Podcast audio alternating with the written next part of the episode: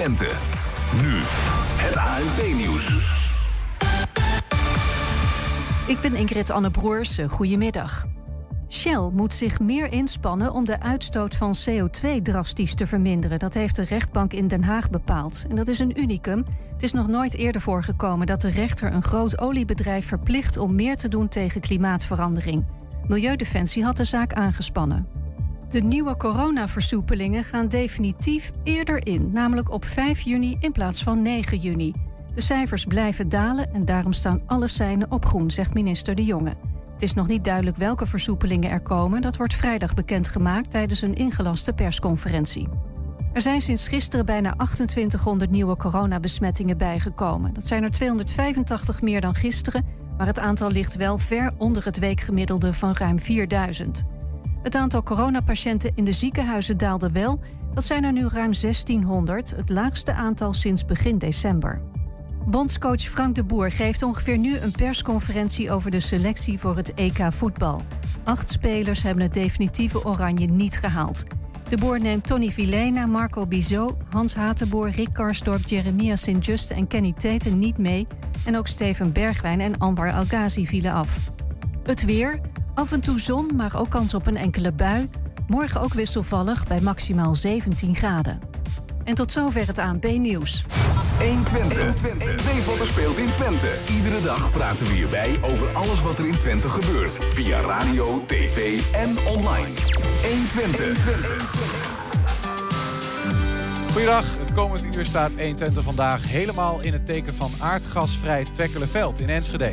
We gaan praten over wat dat aardgasvrij nou eigenlijk inhoudt, over alternatieve energiebronnen en welke uitdagingen die met zich meebrengen, over bezwaren van bewoners en over hun relatie met de gemeente. Staan ze tegenover of inmiddels al misschien wel iets wat meer naast elkaar? Maar dat doen we iets anders dan normaal. Want zometeen ga ik deze plek afstaan aan studenten van Hogeschool Windesheim. Max en Sandy, goedemiddag. Goedemiddag. dankjewel. Ehm, jullie gaan eh, dit schip enteren. Eh, de twijfelachtige eer om mijn plek in te nemen. Max, waarom? Uh, ja, wij, zijn, uh, wij hebben dus de afgelopen tijd uh, bekeken ja, de energietransitie eigenlijk in Enschede. en meer specifiek in de wijk Twekkelenveld. Want ja, voor 2050 moet het allemaal gaan gebeuren. Dan moeten de huizen van het, van het aardgas af. Mm -hmm. zoals eigenlijk is afgesproken in het klimaatakkoord van Parijs. Um, en dat moet waarom? Waarom moeten we van het gas af? Uh, ja, dat is om uh, milieuvriendelijker te worden. Uh, voor, het, voor het klimaatuitstoot terug te dringen. En over te stappen op duurzamere bronnen van, van energie eigenlijk. En Sandy, waarom beginnen we eigenlijk... waarom gaan we praten met Twekkelerveld en niet met de wijk Hogeland in Enschede of zo? Nou, de gemeente heeft dus bepaald dat de wijk Twekkelerveld de pilotwijk is. En die moet al in 2030 aardgasvrij zijn. Mm -hmm. um, en onlangs zei wethouder Jeroen Diepemaat, die straks ook bij ons te gast is... als het hier lukt in Twekkelerveld, dan moet het in heel Enschede lukken. Dus... Ja, ja, ja. Hey, wat hebben jullie dan de afgelopen tijd uh, gedaan? Want jullie hebben de afgelopen maanden zijn dus van onderdeel geweest van onze redactie... hebben ondergedompeld in de energietransitie. Wat betekent dat concreet? Ja, wij zijn eigenlijk uh, de buurt in geweest. Uh, wat weten eigenlijk de inwoners nou van de energietransitie zelf? Um, wat doen ze er zelf al aan? We zijn ook op bezoek geweest bij verschillende bedrijven uh, die duurzame opties bieden. En zo zijn we eigenlijk uh, in ons dossier waar we mee bezig zijn... aan het proberen meer te weten te komen over dit hele proces. Mm -hmm. En uh, Max, dit is een soort van uh, eindpunt van dit onderzoek wat jullie hebben gedaan? Moet ik dat ja, zo zien? het is het, het, eindpunt van ons onderzoek, maar eigenlijk nog maar het beginpunt van de hele energietransitie. Want we staan eigenlijk nog maar aan het begin. Uh, er is nog heel veel onbekend over ja, hoe we het precies gaan doen. Dat zijn op dit moment aan het uitzoeken. Dus het eindpunt voor ons onderzoek, maar ja, het beginpunt eigenlijk voor de wijk Twekkelenveld en de stad Enschede. Ik ben benieuwd. Uh, zometeen uh, zal jij de gastheer zijn, maar uh, Sandy, jij begint, hè? Ja, ik bij het spits. Nou ja, ik zou zeggen, kom deze kant op, neem je glaasje water mee. Ga ik, soort van als een gastheer Mark-Marie Huibrechts aan deze kant van het geheel wel. zitten. Dank je wel. En take it away, ja. neem het over. Goed, we gaan dus praten over gasloos Twekkelerveld. Het is woensdag 26 mei. Dit is 120 vandaag.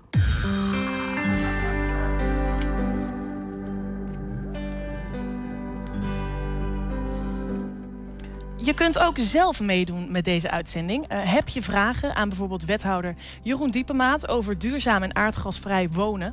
Dan kan je deze stellen in de chat van het YouTube-kanaal en Facebook-account van 120. En aan het eind van de uitzending leggen we die vragen dan aan hem voor. Zometeen gaan we praten met Boudewijn Timmermans van bewonersplatform Tekkelerveld en horen we de wethouder over de plannen van de gemeente. Maar, nu eerst de vraag, wat zijn de uitdagingen en kansen waarmee de Enschedeers te maken krijgen als het gaat om dat uh, duurzaam en aardgasvrij wonen? Eline legt het ons vast even uit. Nederland heeft voor zichzelf klimaatdoelen gesteld, naar aanleiding van het Klimaatakkoord van Parijs. Het streven is om in 2050 95% minder CO2 uit te stoten ten opzichte van 1990. Als tussenstap moet de CO2-uitstoot in 2030 al met 49% zijn verminderd. Om deze doelen te behalen moeten onze huizen van het gas af. Maar wat betekent dit voor de inwoners van Enschede en Hengelo?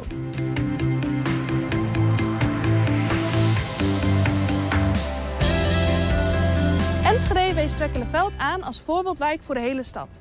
In 2030 moeten hier 5000 huizen gasloos zijn. Dat betekent dat je niet meer kunt koken op gas en dat je het water voor onder je douche op een andere manier moet verwarmen dan met de gasketel. Voor de oudere woningen in Twekkelenveld is dit een grote operatie. Deze zijn namelijk een stuk duurder en moeilijker om te verduurzamen.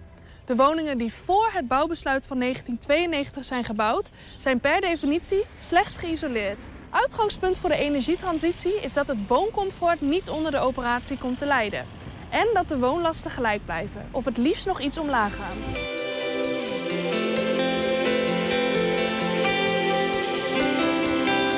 Zijn verschillende mogelijkheden om van het gas af te gaan.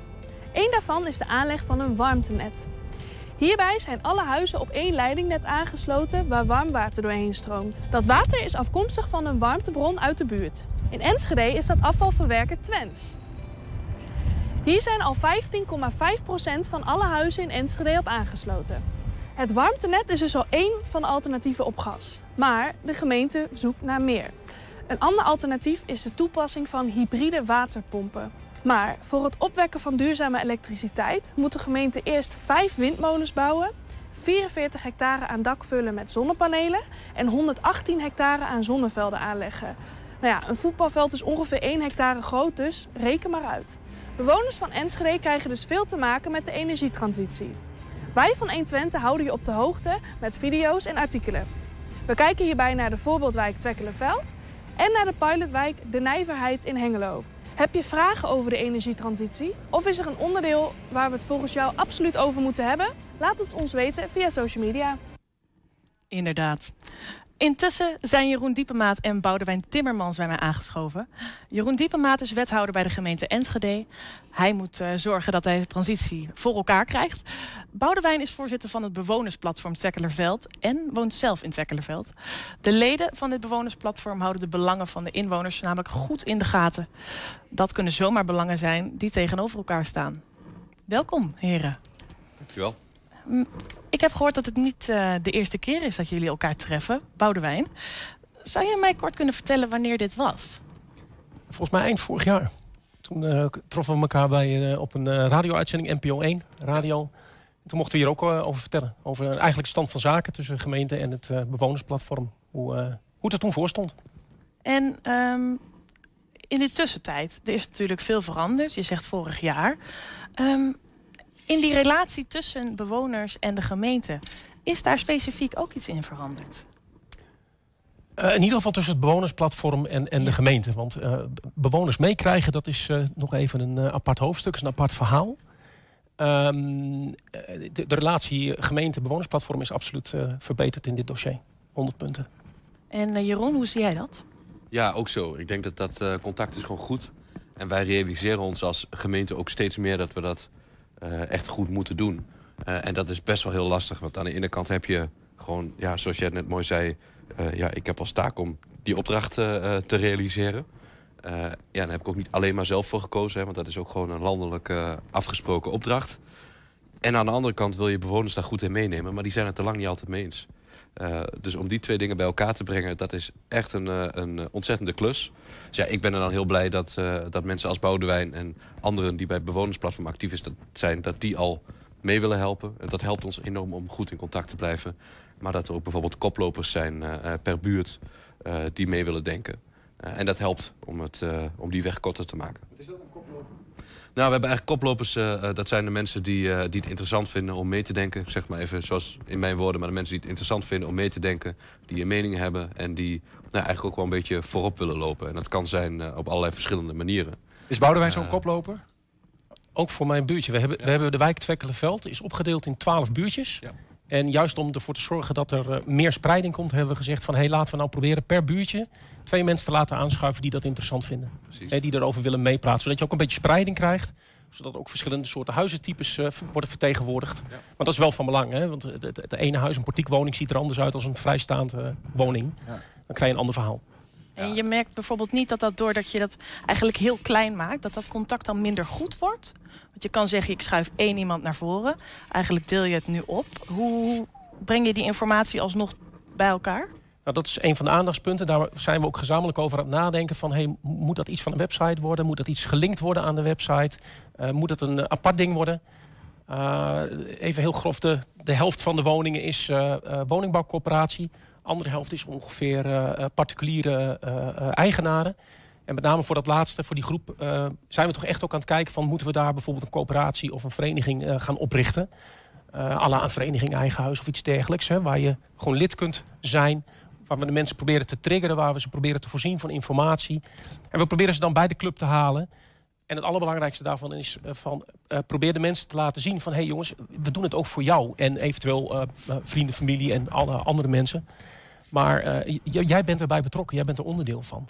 probeer, probeer lid te worden, dan hebben we allemaal hetzelfde belang. En denk je dat als je zoiets wil opzetten... dat de gemeente daar dan misschien iets bij zou kunnen betekenen? Ja, zeker.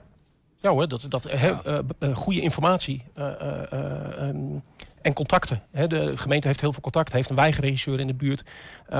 via hun kunnen we bijvoorbeeld ook hulp krijgen bij... Twekkelenveld is niet de rijkste wijk wonen heel veel, uh, ook wat arme mensen, eenzame mensen. wonen veel studenten, uh, arbeidsmigranten. Uh, ja, probeer die maar eens allemaal te bereiken. Probeer die maar eens allemaal op één lijn te krijgen. nou, daar zijn allerlei mensen voor die daar meer verstand van hebben dan ik. Zijn er, denk je, Jeroen Diepemaat, al, al mensen, of al, zijn er mensen in Twekkelenveld die nog niet weten dat dit überhaupt speelt, denk je? Ja, vast. Die zijn er namelijk altijd. Ehm, en toch zie je dat, in tegenstelling tot sommige andere onderwerpen, is dit echt iets wat leeft in positieve en negatieve zin. En dus er zijn natuurlijk altijd mensen die ontzettend bezig zijn met verduurzaming... die het zelf interessant vinden, die er verstand van hebben... en om die reden wel aangehaakt zijn of worden. Uh, maar er zijn ook mensen die juist heel erg sceptisch zijn... of het niet zien zitten. Of die zeggen, ja, maar mijn huis is net anders dan al die anderen. Dus om die reden is het denk ik ook heel erg goed... om juist met die verschillende buurten te werken. Want dan kan je ook die breedte van zo'n wijk uh, goed terugbrengen in die plannen. Uh, ja, en wat je toch ook ziet, kijk, wij zeggen altijd... dat zijn voor ons twee belangrijke uitgangspunten. in het filmpje kwam het goed terug. Wooncomfort is een uitgangspunt. Dus het moet niet zo zijn dat je straks ineens in een dikke trui... in je huis moet zitten om het net zo comfortabel te hebben. Dat is niet nodig. Uh, en ten tweede die woonlastenneutraliteit. Dus uiteindelijk moet het niet zo zijn dat de rekening bij die inwoners terechtkomt. Dus dat zijn voor ons heel harde uitgangspunten. En die zijn voor mij ook heel belangrijk in mijn opdracht. En toch is met name dat laatste iets waar mensen heel sceptisch over zijn. Mensen zeggen, ja, dat zullen wij wel weer moeten betalen. Begrijp je dat? Komt toch, dat begrijp ik, uh, tuurlijk. Uh, dus ik kan het ook niet vaak genoeg zeggen dat, ondanks die sceptisch... dat gewoon onze opdracht is en dat ik dat zo wil doen. Um, maar dat kost nog heel wat zendingswerk. Dus om die reden is dat contact ook zo belangrijk. En ben ik ook altijd blij weer met dit soort uh, momenten en dit soort uitzendingen... om dat verhaal weer te vertellen. Want ik zou het ook niet over mijn hart kunnen verkrijgen om straks... zeg maar, als ik klaar ben met dit werk ooit en we hebben die klus geklaard dat er een heel Twekkelenveld zit... met een rekening die twee keer zo hoog is. Dat is niet de bedoeling. En zo willen we het ook niet. En dat is ook niet het idee. Kun je in ieder geval niet meer zelf komen wonen misschien? Nee, nou ja, in, in tegendeel zou ik zeggen. Want mijn droom is eigenlijk... uiteindelijk is die hele verduurzaming zou er juist voor moeten zorgen dat je minder energie gaat eh, verbruiken... en dat het je per saldo uiteindelijk misschien zelfs wel iets oplevert. Misschien uh, niet direct uh, honderden euro's, maar wel een klein beetje. En er zijn ook heel veel manieren waarop je er wel nog een klein beetje geld op kan verdienen. Dus als je er ook zo naar gaat kijken en ook de kansen ziet... Uh, dan kan het ook een heel positief verhaal worden. En ik vind het heel mooi wat u nu net allemaal vertelt. Um, maar er zijn dus inderdaad nog heel veel mensen die zich ongehoord voelen. Hoe wilt u dit verhaal wat u hier dan nu vertelt aan mij en aan Niels... ook overbrengen aan die mensen die zoiets hebben van... nou, ik weet het allemaal niet, ik voel me al ongehoord. Het, het eerlijke antwoord daarop is, dat is gewoon heel erg lastig. Uh, dus het beste wat we kunnen doen is heel veel praten, heel veel op bezoek. Uh, uh, dit soort dingen goed met elkaar organiseren. En ik weet ook nog, het eerste gesprek wat wij met elkaar hadden... was de toon tussen ons anders dan nu, zeg maar. Dus, oh ja? En daar ben ik ook blij mee. Ja, nee, hij was vriendelijk hoor. Oké. Okay. er was er ook bij jou meer sceptisch over de aanpak dan nu. Wij leren ook weer, dus de mensen die er bij ons mee bezig zijn... die leren iedere dag en die pakken het ook iedere keer weer beter aan... Um, maar ja, die sceptisch kan ik nooit helemaal wegnemen. Want ik zie ook als wij een filmpje of een bericht posten op Facebook... Ja, dat is een beetje het probleem van Heden ten Hagen. Maar dan zie ik uh, meteen uh, 50 hele zure reacties daaronder staan. En soms denk ik ook wel eens, ik zou best graag bij al die mensen op de koffie willen... om eens een keer echt ze in de ogen te kijken. En even uh, zeg maar uit het comfort van het toetsenbordje thuis... waar je al je sceptisch af kunt reageren en echt het gesprek aangaan. Nou ja, dat is uiteindelijk ook wel wat we proberen, maar dat lukt nooit in één keer. En Boudewijn, hoe zie jij dit? Want ik denk dat jij misschien wel opties in je hoofd hebt. Nou, je weet je, we zijn begonnen met een hele valse start.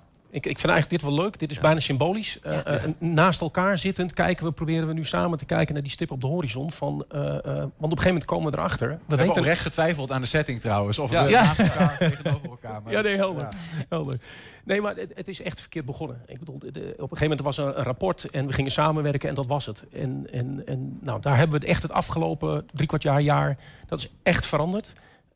nou, toevallig morgen hebben we een eerste startgesprek met een nieuw adviesbureau... wat onze gezamenlijke vraag uh, uh, gaat uitzoeken.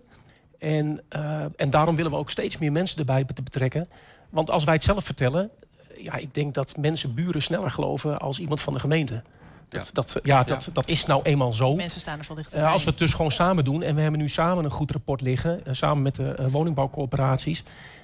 waar ook de nodige alternatieven in werden besproken. Vorige keer was het vooral warmtenet. Hè, en dat is nu nog steeds hè, is dat een uit te zoeken ding. Maar als bewonersplatform hebben we heel duidelijk gezegd... wij willen, kijk nou eens naar eerst isoleren... en dan in 2030 die transitie maken. Het leuke is ook dat de, de volgende uh, landelijke subsidieronde gaat daar ook over. Hè? Gaat tot 2030 nou isoleren. En dan willen we wel dat je voor 2040 uh, uh, er vanaf bent. Maar daarvan zeggen wij dat stop. Want dan hebben we de komende 8, 9 jaar... kunnen we echt gebruiken om een aantal alternatieven...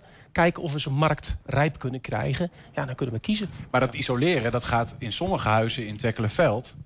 jaren 20, 30 woningen... gigantisch veel geld kosten, toch? Uh, ja, de vraag is, moet je per se willen... want dat, dat, gaat ook niet voor alle huizen naar een lage temperatuuroplossing. Het zal heel wat zijn als we naar een middentemperatuuroplossing kunnen komen. Dus dat je huizen richting C of B-label kunt krijgen. Dus want ook iets dan, beter isoleren dan ze al... Nou, en dat scheelt straks ook weer uh, in de transitie die je moet doen. Dan heb je kleinere apparaten nodig. Je hoeft minder uh, om te vormen naar elektriciteit... Of, of welke bron je ook gaat pakken. Ja, dat is top. Dus, dus wij zijn heel erg daarop uit... Even dat ik ben wel, wat je, je vertelde net, sorry, dat ik. Uh, je moet het gewoon overnemen Helemaal hoor. Niet. Maar dat nieuwe adviesbureau waar je het over hebt, dat is een soort van weer een externe partner die meekijkt van wat zijn nou de belangen van de gemeente, maar ook van de bewoners en hoe komen we er samen uit? Ontstaan vanuit een soort van sceptisch vanuit de bewoners? Nee, nee, nee. We hebben. Uh, het is een, een adviesbureau die gaat onderzoeken of het kan. Die gaan gewoon kijken naar van dit is de huizenvoorraad, dit is hoe het Wekkelenveld eruit ziet, welke alternatieven hebben we. Want niet op elk huis kun je alles doen. Ja. Dus dat gaan ze uitzoeken. En waarom doen we dat nog een keer? Nou, één, het vorige is alweer 2,5 jaar geleden. Nou, er is echt heel veel gebeurd in 2,5 jaar tijd. En wat we heel graag willen is dat we gezamenlijk kunnen zeggen... Um, jongens, dit is het. Als we, en, en het mooie is, als we het op deze manier gaan doen... dan hebben de bewoners ook wat te kiezen. En dat is ook heel erg fijn als bewoner. Dat je niet het mes op de keel krijgt. Ja. Het moet gebeuren. Maar het is een onafhankelijke onderzoeksgroep, uh, zeg maar. De, want er is twijfel geweest of de gemeente niet te veel op warmtenet zat vanwege een mogelijk belang in Twents. Nou, dat is geen mogelijk belang en dat is er gewoon. Ja. Uh, uh, maar dat, dat, dat doet even niet de zaken nu. Uh, wat wij van belang vinden is dat we gewoon eerlijke cijfers op tafel krijgen. Ja, mogelijkheid die we ook hebben gekregen van de gemeente. Wij hebben in onze zijzak, achterzak hebben wij een eigen ingenieursbureau mogen uitzoeken. Die gaat meekijken. Van hey, gebruiken ze de goede getallen? Uh, komen ze met de juiste alternatieven? Uh, uh, gaan ze het op de juiste manier aan de huizensoort koppelen? Dus um, er zit nu veel meer objectiviteit en neutraliteit in. Dus eigenlijk in samenspraak met de gemeente gaan yes. jullie nu onafhankelijk een onderzoek doen? Ja, we doen het gezamenlijk. Ja, dat, precies, dat, gezamenlijk. dat was vorige keer niet. Vorige keer heeft de gemeente de opdracht gegeven doen ze uiteindelijk nu ook, maar in samenspraak met de corporaties en met de bewonersplatform. En daar komt natuurlijk een resultaat uit. En wat yes. denken jullie uiteindelijk daar samen mee te kunnen realiseren? Met dat resultaat. Nou ja, Wat de- hopen jullie? aanvulling, er moet uiteindelijk, we noemen het nu het wijkenergieplan moeten komen te liggen. Ja. En eerder noemden we dat het wijkuitvoeringsplan. Dus dat, eh, dit is even, dat is maar een titel, maar is ook wel symbolisch, denk ik, voor wat dat zou moeten worden straks. Eh, want wijkuitvoeringsplan klinkt een beetje zo van, nou wij komen even langs en we rollen ons Ja. eh, schemaatje uit en dan gaan we dat allemaal maar eens even doen. Terwijl het veel meer een wijkenergieplan moet worden waarin je aangeeft, nou hoe gaan we dat nou met elkaar oplossen. Hoe gaan we Dus wat- samenwerken? ja, en dat is wat er straks zou moeten komen te liggen. En één ding, nou, nog niet benoemd nu... maar wat ik zelf ook wel van belang vind... is we kijken ook echt naar Twekkelenveld. En we beginnen met Twekkelenveld... omdat daar heel veel dingen samenkomen. Hè, dus die wijk heeft echt wel wat vernieuwing nodig op plekken. Corporaties zijn bezig met hun bezit om daar weer in te gaan investeren. Eh, er zijn nog een aantal opgaven, zoals waterberging en dergelijke... werk aan de openbare ruimte, wat allemaal moet gebeuren. Dus we willen ook een heel aantal van die dingen gelijk op laten lopen. Zodat je echt kan investeren in de wijk. En dat is ook, zeg maar even reagerend op het introductiefilmpje... als het in Twekkelenveld kan, lukt Exact. het overal. Dus het is een beetje het New York van Enschede wat dat betreft. Ja. Ehm, dat is de reden dat we met Twekkelenveld beginnen. Omdat we echt denken dat die wijk er ook wat aan heeft uiteindelijk. En dat zou mijn droom eigenlijk zijn voor Twekkelenveld. Eh, en dat mensen er uiteindelijk ook blij van worden in plaats van sceptisch. Ik hoop op een heel mooi resultaat en we wachten het af. Het rapport gaat vooral positieve dingen opleveren. Ja. Dat, dat is het. We, we kunnen kiezen en we gaan niet allemaal vertellen wat er niet kan. Maar we gaan er proberen te kijken wat er wel kan. En als je dan keuzes hebt, ja, dan eh, zit je... Dat is mooi. Dat is, dat is Dat bewoner veel comfort. Rijk de Dat is prettig. horizon ver. Ja. Eh, ik wil jullie beiden heel hartelijk bedanken. Boudewijn en eh, Jeroen. Goed. Je huis verwarmen eh, kan eigenlijk op meer manieren dan je in eerste instantie zou denken. Max ging langs bij Entrasol, een bedrijf dat verwarmingsfolie levert... dat achter het behang of onder de vloer aangebracht kan worden. Oprichter en directeur Jeroen Huijnen laat zien hoe de verwarmingsfolie precies werkt. In 1991 is bedacht door een Duitse professor. Eh, dat je van carbon nanotube daar eh, verwarming iets mee op kunt warmen. En het heeft eh, tot 2003 geduurd voordat er uiteindelijk een werkelijk product van is gekomen. Dus sinds 2003 is het eigenlijk op de markt. Maar in Nederland was het gewoon niet interessant. Niemand wilde natuurlijk eh, elektrisch verwarmen. Het was allemaal gas en eh, buitenland veel meer. Dus er zit carbon nanotube. Dat is zeg maar carbon in hele dunne sliertjes in, op nano, nano grootte. En die zitten in een bepaalde vorm hier op de maat. En daardoor glijdt stroom en wekt, de- wekt warmte op. Weet je, het is gewoon 24 volt, dus je kunt gewoon met de vingers aanpakken. Zonder gebeurt niks. Weet je, er gebeurt gewoon niks. Dit is elektrisch, dit is eh, 24 volt. Dus het is heel veilig. Je kunt zien hoe dun dat is. Het is nog geen halve millimeter, eh, halve millimeter dik. En vaak wordt de opbouw is een dun laagje isolatie... dat je geen koude brug met de, met de vloer hebt. En dan eh, komt dit erop en dan gelijk je laminaat of je PVC kan eroverheen. De vloer moet je vrijmaken, of de wand. En met een dag heb je de vloerverwarming erin. Dan kun je het warmtebeeld mooi zien hoe het mooi verdeeld is. Elke baan, meestal wordt op maat gemaakt. Dus meestal krijg je een bouwtekening of de, de aannemer komt een tekening. Tekent de verwarmingsbanen al in. En wij maken het op maat. En elke baan wordt visueel, maar ook eh, thermisch getest. Dus we weten exact, elk, iedereen, elke baan krijgt ook een eigen nummer. Welke baan, hoeveel watt, hoe het beeld eruit ziet, hoe het verwarmingsbeeld eruit ziet. Voordat de deur uitgaat. Maar nog te vaak van, goh, ik wist helemaal niet dat het bestond. Ja. En daar moet nog wel wat aan werken, daar moet nog wel wat aan gebeuren. Maar ik weet zeker dat heel veel, heel veel partijen is gewoon heel interessant.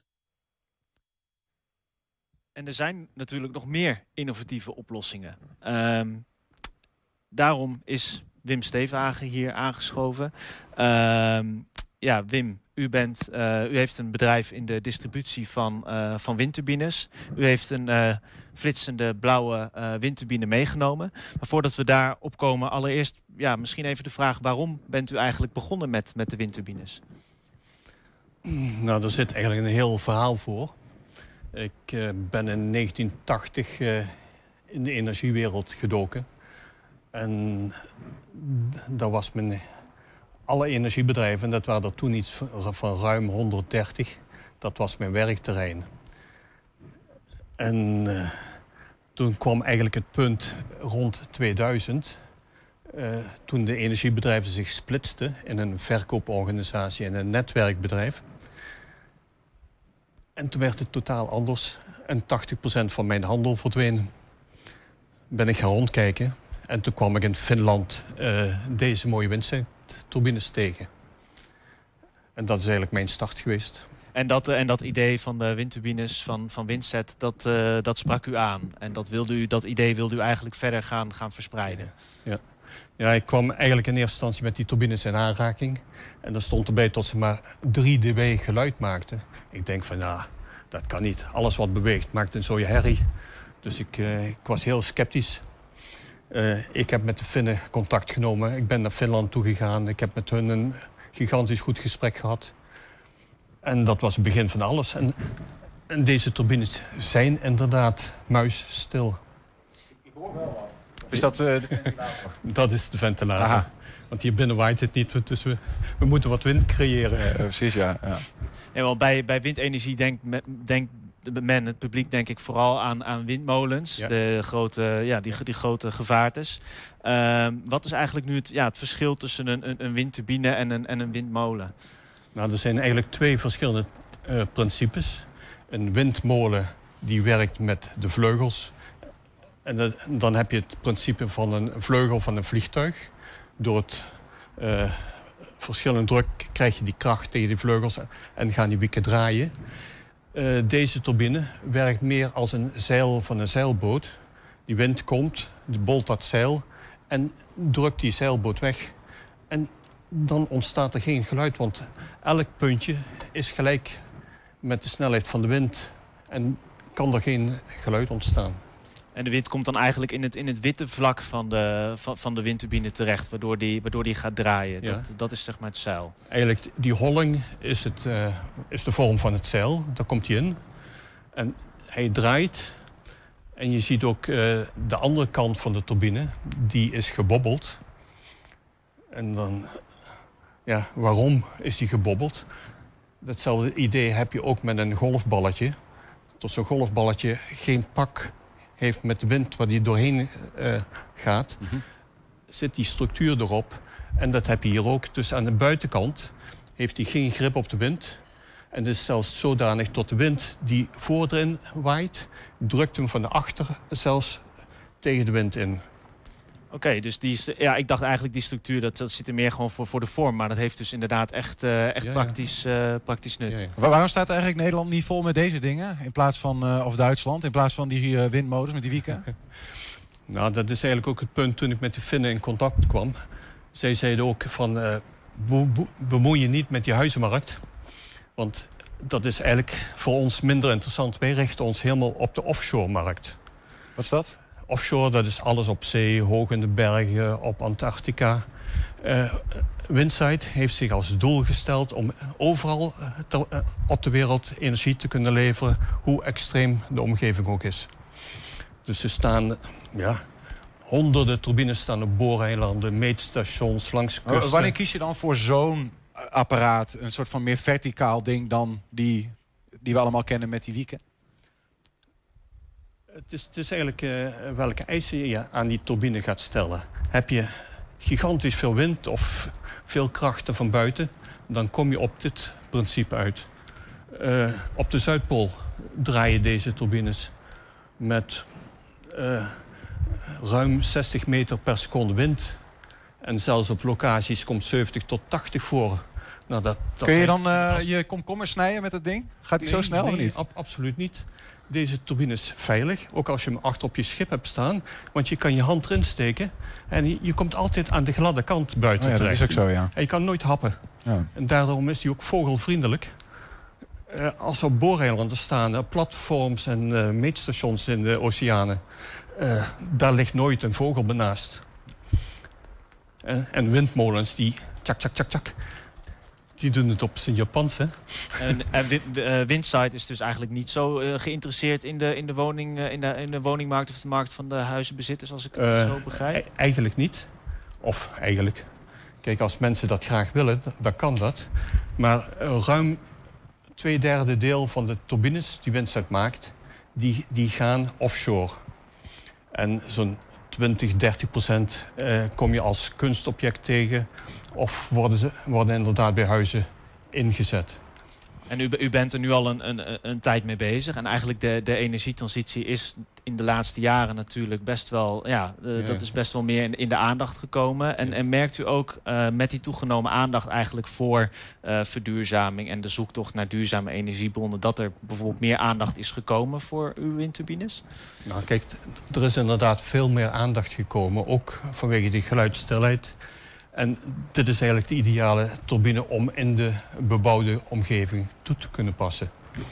Uh, ik heb me daar in 2004 gigantisch voor ingezet om hem bekend te maken, om hem toe te passen bij de mensen thuis.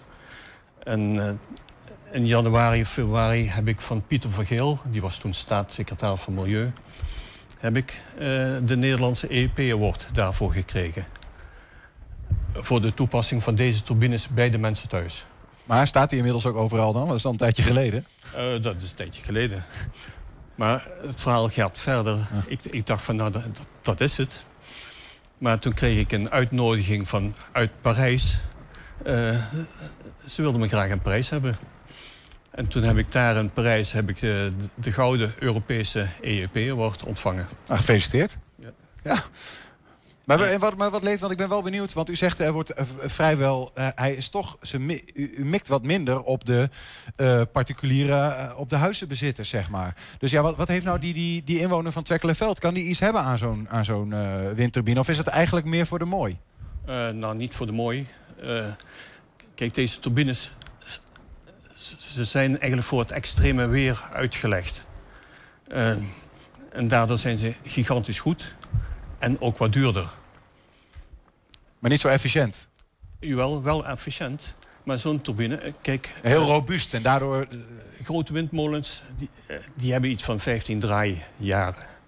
Die, die zie je ongeveer een 20 jaar staan. Zonnepanelen, die, die draaien ook... Eh, of die draaien niet, maar daar zegt men ook 20 jaar. En deze turbines, die gaan gemakkelijk een mensenleven lang mee. Dus het is niet zo van ik plaats hem op mijn huis en ik ga hem afschrijven. Ik heb hem binnen zoveel jaar terugverdiend.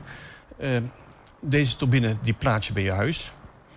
Je investeert één keer en hij gaat even lang mee als je huis. Wat is het bezwaar dan? Waarom zou ik hem niet uh, aanschaffen als huizenbezitter? Uh, nou, veel mensen die willen hem binnen vijf of zeven jaar terugverdiend hebben. En dat lukt je met een windturbine niet. Ja, als, we, het dan hebben over de, hè, de stel ik zou uh, morgen zo'n zo'n zo'n windturbine willen, willen aanschaffen zelf. Met wat voor bedrag zou ik dan uh, rekening moeten houden? Uh, dan zit dit, deze turbine, deze? deze turbine die gaat, die zit al rond de 5000 euro. Dat is eigenlijk een factor. En hij komt elektrisch overeen met pakweg één zonnepaneel. Waar, aan wat hij oplevert? Wat hij oplevert, ja. Alleen zonnepanelen is natuurlijk anders. Een zonnepaneel levert energie uh, als de zon schijnt. En deze turbine die trekt zich niks van die zon aan. Die levert dag en nacht energie. Maar ook zomer en winter. Maar even kort weg, want u zegt 5000 euro. Uh, in hoeveel tijd heb je dan die 5000 euro terugverdiend met zo'n ding? Nou, hij is dan een deel van je woonhuis. En je schrijft hem samen met je woonhuis schrijf je hem af. Want een meterkast die, die zeg je ook niet van wat is meterkast terugverdiend na vijf of tien jaar. Nee, hij is gewoon een onderdeel van je woonhuis. En hij doet de hele tijd, pakweg tot je 100 jaar staat zo'n huis daar. Nou, 100 jaar gaat die turbine gemakkelijk mee. Je verkoopt hem gewoon mee met je huis aan de volgende ja, bewoner. Ja, en hij blijft zijn waarde houden. En hij blijft altijd evenveel energie leveren. Of die nou 10 jaar oud is, 20 jaar of 50 jaar oud. Dus het, de bijdrage tot je energielabel blijft ook constant. U heeft net uh, mij ook buiten beeld even laten zien... dat u de afgelopen tien jaar de meterstanden van uw huis heeft bijgehouden. En u heeft zelf ook uh, een, een wind, windturbines in uw tuin staan, heb ik, uh, heb ik begrepen. Um, merkt u dat het echt een... wat, voor, wat voor besparing levert het, levert het dan ongeveer op? Kunt u dat ongeveer meten of in, in getallen uitdrukken bijvoorbeeld? Nou, wij, wij zijn dus naar Enschede gekomen geïmmigreerd. en uh, ik, heb nog, uh, ik had een windturbine had ik altijd in mijn voortuin staan. Maar op de locatie waar we nu zitten, eh, heb ik in, in mijn voortuin heb ik geen plek. Dus hij staat in de achtertuin. Redelijk tussen bomen in. Maar hij, hij draait best eh, pittig af en toe. Dus ik, ik wil nog een keertje, en dan ga ik met de gemeente een keer praten... een grote turbine van 2 vierkante meter in mijn voortuin zetten. En die levert dan die energie die ik 's winters extra nodig heb. Ja, ja. Maar even, eh, door de bank genomen, zeg maar, hoeveel van deze windturbines heb ik nou nodig om een gemiddeld huishouden compleet zijn stroomvoorziening te doen? Nou, compleet zou ik niemand aanraden. Want je hebt, de- je hebt Ja, een maar voor het beeld, even voor het beeld. Want ik zoek nog steeds even naar van hoeveel levert zo'n ding nou op? Nou, als je dan een turbine hebt van 2 vierkante meter... Ja. die levert ongeveer een 1500 kilowattuur op jaarbasis. Ik ben los. Zeg maar niks, 1500 kilowatt- kilowattuur. Nou, Wat kan ik daarmee? iedereen die krijgt jaarlijks zijn energierekening. Ja. En die ziet dat hij bijvoorbeeld 3000 of 4000 kilowattuur per jaar verdient. Of eh, verbruikt. Verbruikt. Ja. Dus met, met al- 1500 kilowattuur heb je eh, pakweg eh, wat, wat minder dan de helft van je energieverbruik. Doe je de rest met zonnepanelen, nou dan, dan heb je een mooie het, dekking. Het, het vult elkaar aan eigenlijk. Ja, ja. Dat is meer. Ja. Maar je kunt de, ongeveer de helft van je hele stroomvoorziening uit één zo'n windmolentje halen. Nou, niet deze, maar een grotere. Een grotere. Ja, ja. Hoe groot is die dan? Hoe zegt u? Eh, als die 2 vierkante meter is, dan heb je 1500 kilowattuur. Mhm. Eh, plaats je er twee bij je huis of eentje van vier... dan heb je ruim 3000 kilowattuur op jaarbasis. Wat kost zo'n ding van, van twee vierkante meter? Die zit eh, op een eh, 17.000 euro. Gaat de hele leven mee? Gaat het heel even mee. En we hebben eigenlijk eh, wind, eh, ja, wi- windenergie wordt natuurlijk wel ook, ook meegenomen in de, in, de, in de energietransitie, in de, in de klimaatplannen. Maar vindt u dat, hè, want, want voor deze oplossing die wordt nu eigenlijk in de, hè, de, het wijkenergieplan dan Ja, ja. bijvoorbeeld niet meegenomen of niet genoemd. Vindt u dat er bijvoorbeeld, hè, vindt u dat er voldoende aandacht is voor, voor dit soort oplossingen? Of denkt u dat daar, ja, dat, dat, dat er iets over het hoofd gezien wordt, zeg maar? Ja, dat klopt inderdaad. Want, want eh, grote windmolens en windparken of zonneparken... die leveren hun energie aan het transportnet van Tennet. Eh, en Tennet beheert eh, tot nu toe alle, alle netten tot en met de 50 kV. Wat je in de stad hebt, dus in de bebouwde omgeving... dat zijn de distributienetten. Dat zijn de lokale netten. En die, die netten die zijn tegenwoordig veel te krap. Die moeten eigenlijk een factor 5 keer zwaarder worden. Factor 5. Dus als alle mensen hun zonnepanelen gaan plaatsen... en allemaal eh, naar het zuiden gaan richten... dan krijg je om 12 uur, 1 uur krijg je een grote piek in het elektriciteitsnet. En in Arnhem heb je wijken die dan regelmatig uitvallen. En s'avonds om na 18 uur willen ze al die energie terug hebben. Want ze gaan koken, eh, hun auto moet geladen worden, ze gaan verwarmen. Eh, Dus alleen zonnepanelen, dat, dat gaat hem niet worden. eh, nee, want s'avonds na 18 uur, dan wordt de zon minder. Dan leveren de zonnepanelen geen energie. En eh, dadelijk is die hele teruglevering eh, kost je meer geld. Over een paar jaar. Dus dan eh, heb je eigenlijk... aan- ja, je, zonnepanelen worden duurder qua energie. Pak je daar een windturbine bij, die, die dan s'avonds je energie levert... dan kan je dat stukje intern in huis kan je vereffenen. Dus dan is het voordelig om gewoon zonnepanelen te hebben. Die zijn ook in eerste instantie goedkoper. En daarnaast je windenergie erbij te pakken. Vooral voor de avonturen en de eh, vier wintermaanden. Inzetten op meerdere paarden. Ja, en ik denk dat we, ja, we kunnen hier denk ik nog heel lang over doorpraten. Oh, heel over de, over heel de inzet Hij heeft overigens eh, al een extra klant, hoorde ik net. Boudewijn uit Twekkelenveld. Die zei, oh, die moet ik hebben. Zo is de uitzending eh, wel, ik eh, wil niet te veel reclame maken, maar dat werd echt gezegd. Helemaal goed. Nou, ehm, ja, mocht u net zijn ingeschakeld... eh, zometeen gaan we met wethouder Jeroen Diepemaat... vragen van kijkers en luisteraars behandelen. Heeft u een vraag, zet hem dan in de chat. Maar nu eerst, vorige week woensdag gingen we de wijk in... en vroegen we de inwoners van Tekkelenveld... wat zij allemaal al weten over de energietransitie. En dit zeiden ze. Weet u, al, eh, weet u al iets over de energietransitie, de plannen van de gemeente? Nee. En ehm, helemaal niks, of ook eh, überhaupt nog nooit van gehoord? Nou, eigenlijk eerlijk gezegd niet. Nee. nee. Geen flow idee, want ik ben werkzaam dus. Uh, het is een volle gang. Ik krijg wel eens van die uh, briefjes thuis over dat ze in de wijk allerlei bijeenkomsten en zo organiseren om dat te doen. Ik heb wel van iemand gezien op Zuid dat de mensen allemaal ongelukkig s'nachts op gasdiepten branden. Nou, dat wat ik ervan weet, zeg maar, is dat het hele verhaal met bijna 130.000 euro gaat kosten. U gaat, het gaat u 130.000 euro kosten? Als ik het hele verhaal compleet heb. Ja, en hoe komt dat? Nou, ik heb een huis wat dateert uit 1920. Ja. is totaal niet geïsoleerd. Dus als ik alles eigenlijk daadwerkelijk, zeg maar, AA wil krijgen, dan gaat het naar 130.000 euro kosten. Er zijn dus inderdaad grote plannen van de gemeente om uh, het Twekkelerveld te gaan verduurzamen. Ja, met, uh, met uh, de aardgas. dat dat ja, van het aardgas willen. Ja, ja, ja, ja. ja, dat klopt. Ja. En hoe, dat is het enige wat u ervan weet? Of weet u al wat meer details nou, over? Ik denk dat het nog wel iets langer duurt. En ik Ja. denk niet dat iedereen dat gaat doen. Want daar zit natuurlijk wel eh, nog wel een geldbedrag aan Ja. als iedereen eh, over moet op elektra. Hoe komt het dat u, eh, dat u er verder niet zoveel over weet? Is dat, is dat de reden? Ja, dan hebben we eerst je hoort er of heel weinig over. Of je hoort er constant uh, spul over. Ja. Dus aan de ene kant je wil de volk, aan de andere kant ja, het is de ene depri naar de andere depri uh, geroepen. Het enige wat u heeft gehoord is dat het dus gaat gebeuren, maar nog niet hoe en nog niet... En hoe en wat nog Nee. helemaal precies. Nee. Nee. Nee. Nee, er is toen wel op de locatie daar bij de, bij de Polderschool toen geweest dat je daar naartoe kon om eh, informatie. eh. Maar zo ik heb ik gehoord, dan duurde dat nog wel een heel poosje voordat iedereen... eh, ja, dat snap ik ook eigenlijk wel. Ik, denk- ik denk dan sowieso de hele rij waar ik dan in woon, nou, hoe dat ding de vlakte aan moet. Ja. Dan moet nog ons huis uit, haar bijna al uit gaan kopen, zeg maar. Dat zie ik dan haast als enige oplossing. Want ik wil 130.000 euro ga ik absoluut nooit investeren. Helemaal niet in, huis wat in een huis wat niet waard is, zeg maar. Dat zie ik echt ook net niet gaan in.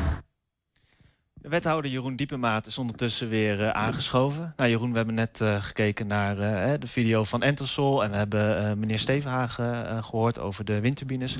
Ja, wat, wat, wat, wat vond je ervan, van deze, van deze oplossingen?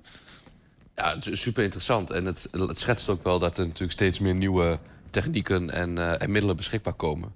Eh, en dat is uiteindelijk in onze aanpak natuurlijk ook van belang. Dat je ook een beetje flexibel en wendbaar blijft. Want kijk, ik kan me voorstellen, niet voor iedereen is het eh, weggelegd om zo'n windmolen in je tuin te plaatsen, zo'n windturbine.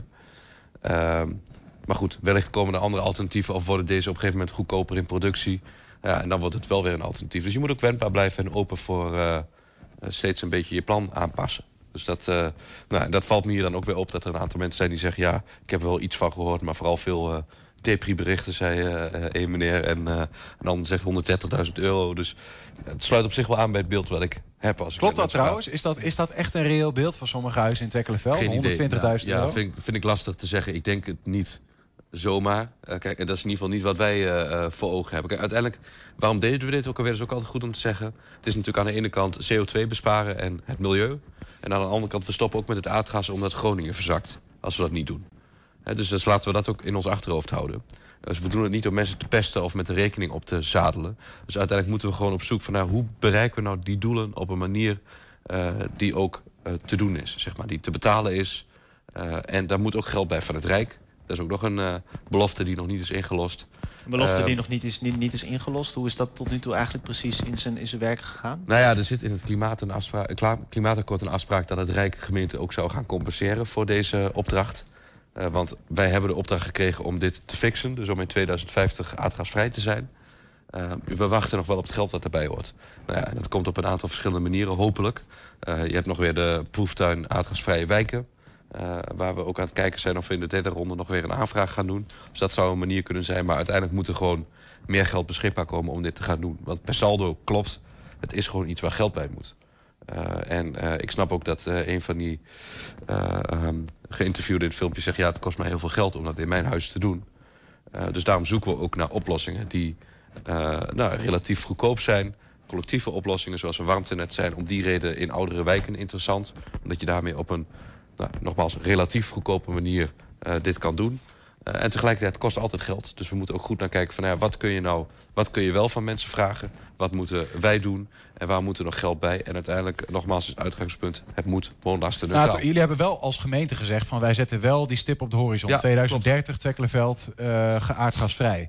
Ehm, eh, ik neem aan dat jullie dan ook zeggen, ja, voorwaarde daarvoor is wel dat we inderdaad die subsidie van het Rijk een keer krijgen. Die, Ja. eh, die 9 miljoen of wat dan ook, of misschien zelfs meer, toch? Ja, meer, wa- ja. Voor wanneer moet je dat geld eigenlijk hebben voordat je zegt van ja, 2030 wordt nu onhaalbaar? Ja, li- liever vandaag dan morgen. Maar kijk, het punt is een beetje van...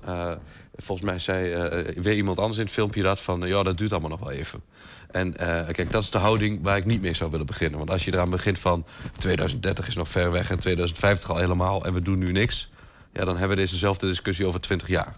Eh, dus dat is de reden dat ik zeg van we moeten gewoon wel stappen gaan zetten, een plan gaan maken en bedenken hoe we daar ongeveer gaan komen. Denkt u en, dat, ja, wanneer het geld precies komt, ja, ik hoop liever vandaag dan morgen. Want dan weten we ook beter wat we wel en niet kunnen doen. Denkt u dat er dan nu nog bijvoorbeeld bij de, bij de mensen of bij het publiek nog een, of bij de bewoners nog een, een gevo- bepaald gevoel van, van, van urgentie mist dan als u dit zo hoort? Bij, bij sommigen wel, eh, ja. En eh, eh, in alle realiteit snap ik dat ook best wel heel goed. Want als je zelf denkt van ja, het kost mij een ton om mijn huis te verduurzamen... dan snap ik heel goed dat je zegt, dan wacht ik nog even af. Tegelijkertijd, er zijn best dingen die je al langzamerhand kan gaan doen... om je woning aardgasvrij vrij ready te maken. Dus eh, als je op een gegeven moment de kans hebt om te gaan isoleren... doe dat dan vooral, want dat is nooit weggegooid geld. Hè, want daar bespaar je ook gewoon energie mee in de huidige setting. Dus wat we wel willen doen is een plan maken... waar mensen ook bij aan kunnen sluiten. En waarmee ze in ieder geval iedere stap die ze nog gaan zetten in hun woning... dat die ook past in dat plaatje. Eh, dus dat je geen kansen mist. Eh, en dat is wel van groot belang om nu alvast te kunnen doen. Volgens mij ga- gaan we zo naar eh, wat, wat, wat kijkers vragen, wat mensen die wat vragen in hebben gestuurd, eh, luisteren. Maar ik, ik heb zelf eigenlijk, als ik de inwoner van Twekkelenveld zijn, ook wel een vraag. Zou ik ook kunnen zeggen, ja, weet je wel, dank je de koekoek met je energietransitie. Ik blijf gewoon mooi gas gebruiken. Een opt-out eigenlijk. Zou, zou dat ook kunnen? Of wat gebeurt er dan Eh, eigenlijk als ik, als ik niet meedoe? Dat is een hele goede vraag, want dit is precies nog een van de oningevulde vraagstukken in het hele verhaal. Want wij hebben op dit moment als gemeente geen dwangmiddelen om mensen te dwingen van het gas af te gaan. En ergens vind ik dat ook wel goed, want dat zou ik ook niet zo snel willen. Dus ik wil het liefst dat mensen uiteindelijk mee gaan doen, omdat het een, ja, een aanbieding is die je niet kan weigeren, zeg maar, die, die gewoon goed is. Eh, maar ja, dit soort dwangmiddelen hebben we niet. Tegelijkertijd, ja, het gas stopt een keer. Dus daar moeten we een keer mee stoppen. Eh, en die infrastructuur, die stopt op een gegeven moment ook. Dat, dat stopt een keer. Dus dan Ja. komt de GEAS en die zegt het Ja, nou ja, een, uit. een alternatief is dat je op een gegeven moment... Kijk, als je niet op een warmtenet wil... eh, dan kan je ook naar een individuele oplossing gaan. Dus je kan ook een warmtepomp eh, aanschaffen. Die zijn nu nog relatief duur. Eh, en zeker als je cv-ketel nog niet is afgeschreven... zou ik niemand aanraden om nu een warmtepomp te kopen. En dus doe dat ook in de juiste volgorde. En tegelijkertijd zijn er een hele hoop wat nieuwere woningen... die er ook zijn in de wijk... waar dit bijvoorbeeld een prima alternatief is. Dus je hoeft niet per se op dat warmtenet... als er voor jou een betere oplossing is... Alleen de reden dat we het wel onderzoeken en waarom wij denken dat het goed is voor een heel aantal woningen, is dat met name voor de oudere woningen het een relatief goedkope oplossing is. Eh, waarbij je massa kan maken door het feit dat de corporaties meedoen. Eh, nou ja, dus ik, ik bedoel er maar mee te zeggen, je moet echt wendbaar blijven. eh, goed kijken wat precies van toepassing is voor jouw woning. En als jij nou wonen, bewoner van Twekkelenveld zou zijn en net in een nieuw huis zit, ja, kijk dan ook vooral wat voor jezelf slim is om te doen. Nou, bijvoorbeeld eh, de, de oplossingen. Er wordt natuurlijk constant door eigenlijk geïnnoveerd. Hè, met, Ja. met, je ziet ook bijvoorbeeld bij zo'n filmpje van, van Entosol. Daar zou, je- Jeroen vertelde mij dus dat, die, eh, dat je daarmee in feite ook je hele huis eh, kunt verwarmen. Ja. Eh, maar is het dan nu nog niet zo dat de huidige oplossingen eh, het eigenlijk te duur zijn? Dat je dan niet beter had kunnen zeggen van we wachten met het verduurzamen van een wijk waarin het inkomen wat lager ligt totdat eh, de, de duurzaamheidsoplossingen goedkoper zijn. Is dat een overweging die jullie hebben meegenomen? Of is dat. eh, Nou ja, weet je, kijk, eh, het, het punt is dat nou juist in de eh, over het algemeen eh, eh, iets minder rijke wijken is veel corporatiebezit. Eh, en daar is het juist wel een goed idee om te beginnen. Omdat eh, het helpt. Want ja, als wij een corporatie als aanspreekpunt eh, hebben. en je hebt daar meteen de helft van de inwoners van Twekkelenveld mee te pakken. Die een huurwoning, sociale Ja, huurwoning ja. hebben. Eh, en, en het voordeel daarvan is dan weer, dan hoeven de mensen niet zelf de investeringen te doen. Dat doet de corporatie. Dus wij zien ook in onderzoeken dat eh, bewoners van corporatiewoningen eh, zijn er wat minder snel over sceptisch of in paniek dan de particuliere bezitters. Want die moeten het uiteindelijk zelf doen en zelf die rekening voor financieren. Dus, en met corporaties heb je dan een mooie stadmotor voor zo'n wijk. En heb je ook een startpunt voor zo'n warmtenet... waar vervolgens de particulieren op aan kunnen takken. Dus dan maak je het gewoon goedkoper mee. Dus dat is ook een van die dingen. En juist, zou ik zeggen, voor mensen met een krappe beurs... is het misschien wel belangrijk om eerder te beginnen. Omdat je ook eh, er eh, energie mee zou kunnen besparen en je dat ook kan helpen. Nou, ik heb hier ook vaak gezeten om te vertellen over het energieloket. eh, en de simpele middelen die we ter beschikking hebben gesteld via het energieloket... zoals het radiatorfolie, de waterbesparende douchekop en dat soort dingen. Dat zijn hele kleine, simpele dingen die weinig kosten... waar je echt wel tientjes per jaar mee kan besparen. Nou, en dat is net het verschil tussen wel een keer naar de bioscoop kunnen of niet. eh, bij wijze van spreken. Ja, aan het begin van de uitzending hebben we nog laten weten dat eh, kijkers vragen konden stellen aan, eh, aan jou. Eh, ja, Sandy, wat is, daar, eh, wat is daar uitgekomen? Ja, ja. Je, je kan je altijd arm en rijk rekenen. Hè? Maar als mijn tuin 100 vierkante meter groter is... dan heb ik die 100 vierkante meter terugverdiend. Ja? Maar je hebt wel veel meer leefplezier. Momentje hoor. Jongens, wij horen eh, geluid van een andere Ja. microfoon er doorheen. Ik, ik heb natuurlijk een microfoon nog om, hè? Ik weet niet wat dat... Ja. Want anders kunnen we Sandy niet horen. dat zou jammer ja, zijn. nee, precies. Dat, eh, Heel- kun je heel even ja. opnieuw eh, starten? Ik heb dus even navraag gedaan. En eh, voor 78% van de kijkers van 120 op dit moment zijn die plannen voor de energietransitie in Enschede eigenlijk nog niet helemaal duidelijk. Ehm, en een paar van deze kijkers heeft ook vragen ingestuurd. En we hadden het net al over dat sommige mensen echt de portemonnee moeten trekken, waarschijnlijk. Ehm, Ron Spijkerman heeft daarom de vraag: wat, wordt nou, wat is nou het plan voor die exacte bron van warmtevoorziening Ja. als we nou eenmaal van het aardgas af zijn? En ja, is dit haalbaar qua kosten? Ja, waar we voor het warmtenet nu naar kijken is met name de restwarmte van Twents. Eh, de, de afvalverbrander. En ik weet, er zijn discussies over van hoe duurzaam is afval verbranden. Nou ja, uiteindelijk wil je het liefst natuurlijk geen afval. Maar de realiteit is ook dat er in de komende tientallen jaren echt nog heel veel restafval is. Ehm, en eh Twents is een van de meest duurzame afvalverbranders eh, in, in het westelijke halfrond. Dus dan is mijn stelling van ja, verbrand het dan op zijn minst daar. En dan moeten we stoppen met afval scheiden. Dan krijgen we meer restafval. Nee, want er- er blijft altijd restafval. eh, eh, ook als wij heel goed ons afval scheiden. Ehm, en, en als je dat eh, verbrandt en daar toch restwarmte van hebt... gebruik die dan in een bebouwde omgeving. Dus dat is één van de bronnen. Maar uiteindelijk kan je dat warmtenet ook aantakken op andere warmtebronnen. En uiteindelijk voor de wat verdere toekomst kun je dan ook kijken naar Wat zijn die andere warmtebronnen? bijvoorbeeld geothermie is ook zoiets waar natuurlijk veel over gesproken wordt. Wat nu nog wat verder weg ligt, maar wat op, op een gegeven moment echt een serieus alternatief is. Diep uit de aarde. Ja. Eh, en het voordeel is dat eh, je dat warmtenet, dat je daar ook dat soort bronnen weer aan kan koppelen. Hè, dus Twents blijft echt eh, ongetwijfeld net zo lang zeker nog draaien als dat het gasnet er uiteindelijk heeft gelegen. Want laten we niet vergeten, het gasnet ligt er ook pas sinds de jaren 50. Hè, dus dat is niet iets wat we al honderden jaren hebben. En uiteindelijk zijn heel veel dingen eindig, en dit zeker. Dus je moet ook op zoek naar nieuwe bronnen. En het voordeel van zo'n warmtenet is dat je daar makkelijk ook weer nieuwe bronnen aan kan koppelen uiteindelijk. We- maar dan noemen we warmtenet. Maar welke zijn er nog meer? Want de, warmtepomp hoorden we net. Ja, de, warmtepomp, de, de warmtenet is een collectieve oplossing. Eh, en eh, als je naar individuele oplossing kijkt, zou een warmtepomp een idee kunnen zijn. Hè, met name als je een wat relatief een wat nieuwere woning hebt, is dat een goed alternatief. Maar dat is natuurlijk iets wat op elektra werkt. Hè. Dus dan moet je uiteindelijk wel weer de elektriciteit hebben om dat ding zijn werk te laten. Wat doet hij heel kort gezegd? Ja, warmtepomp die, eh, die, die zorgt ervoor dat je eh, ook door eh, de grond in te gaan... eh, eh, zeg maar, eh, de warmte uit, eh, uit de aarde gebruikt. En denk misschien ook meer voor mensen buitenaf. Want ik kan me voorstellen dat het warmtenet vooral voor hè, de Ja. dicht- relatief dichtbevolkte gebieden... zoals Twekkelenveld dan Ja. ligt. eh, ja. Ja, klopt. Eh, en en, en, en, en dat, daar moet je dus uiteindelijk naar de goede mix. En we zijn nu bezig uiteindelijk voor de hele stad om een plan te maken... van wat is nou de beste oplossing per wijk, ongeveer. Ja, want daar zitten dus altijd kleine afwijkingen in... waar net een andere oplossing beter is. Dus dan kijk je naar... eh, eh, grosso modo zijn er een aantal wijken waar warmtenet de beste oplossing zou kunnen zijn. Met name de wat oudere, dichter bevolkte wijken inderdaad. Er zijn wijken waar all electric, dus warmtepompen bijvoorbeeld, de beste oplossing zijn. Dus meer individueel gericht. En er zijn ook een aantal wijken waar je kan kijken naar eh, nog wel of duurzame gas door het bestaande gasnet. Eh, of een aantal wijken waar voorlopig het aardgas nog echt wel even nodig blijft. Want het stopt nog niet helemaal voorlopig.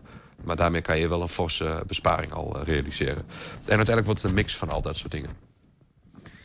Ja, hebben we nog, eh, hebben we nog laatste Ja, vraag? ik heb nog wel één korte vraag eh, van Harry van Ent.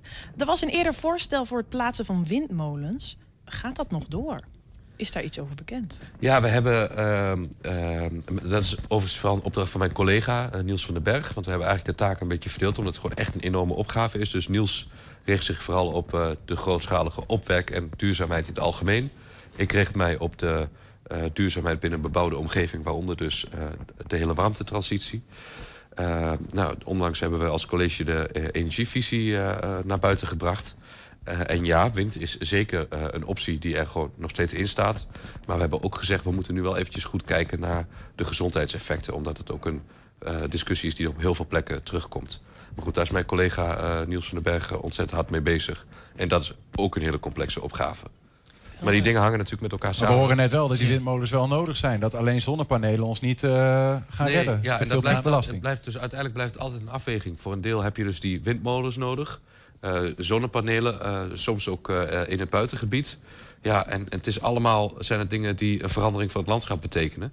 Ja, of je moet toe naar dingen als een warmtenet. Uh, wat geen elektriciteit nodig heeft. Ja. Maar ja, wat ook weer de nodige discussies... Uh, Slaapt u nog wel we goed eigenlijk? Ik slaap, we kunnen er volgens mij Ja, nog ik slaap goed. Ja, ja. We kunnen er volgens mij nog lang, uh, lang over doorpraten. Ja. maar ja, we zijn ook, ook door, onze, door onze tijd heen. ja, ja bedankt Jeroen in ieder geval voor je, voor je beantwoording. Mag ik jullie nog een laatste vraag stellen? Ja, tuurlijk. We zijn aan het einde gekomen, toch? Ja. Hoe uh, voor je het gaan, uh, Max? Ik vond het uh, interessant om alles voorbij te zien komen. Ik vond het ook ja, leuk om te zien hoe, hoe, hoe jij met de be bewonersplatform ook in, in gesprek was. En om te zien eigenlijk hoe toch die, die dialoog dan, dan tot stand komt. Dat, ja, dat vind ik wel mooi om te zien. Zeker ook met het oog op wat, wat er allemaal te wachten staat. En dat is natuurlijk niet niks. En jullie hebben het professioneel gedaan wat mij betreft. Dus, uh, Dank u wel. Ik kom voor 2030 zeker nog wel een keer vaker langs. nee. Sandy, jij nog uh, nee, op- ja. of aanmerkingen op het geheel? Nee, in dit uurtje heb ik eigenlijk alweer heel veel meer opgestoken. Ik hoop gewoon vooral dat het proces uh, goed gaat verlopen. En dat vooral die samenwerking gewoon goed blijft. Want dat is gewoon volgens mij heel belangrijk. En jullie zitten in, op school in Zwolle. Hebben jullie je verleid om in Enschede te komen wonen? Wie weet. Sluit het niet uit met de huidige huizenprijzen. Ik wil wel politicus worden. Sluit het niet uit. Ja, ja. Heel goed. Uh, staan jullie mij toe om de uitzending af te sluiten? Absoluut. Zeker. Dank jullie wel. Voor, en ook jullie twee collega-studenten trouwens, want die doen uh, mede de redactie gedaan. Uh, Emma en Romy ook uh, bedankt. Um, u bedankt voor het kijken. Tot zover 120 vandaag. vanavond om 8 en 10 uur op de televisie terug te zien. Nu meteen al op YouTube, 120.nl. Ga dat gerust doen. Kunt u ook de plaatjes, ook de prachtige windturbine erbij zien en dat soort dingen. Op deze radiozender zometeen Henk Ketting met een nieuwe kettingreactie. Veel plezier daarmee. 1 Twente. Weet wat er speelt in Twente. Nu, het ANP-nieuws. Ik ben Ingrid Anne Broers. Goedemiddag. Shell moet zich meer inspannen om de uitstoot van CO2 drastisch te verminderen. Dat heeft de rechtbank in Den Haag bepaald. En dat is een unicum. Het is nog nooit eerder voorgekomen dat de rechter een groot oliebedrijf verplicht om meer te doen tegen klimaatverandering. Milieudefensie had de zaak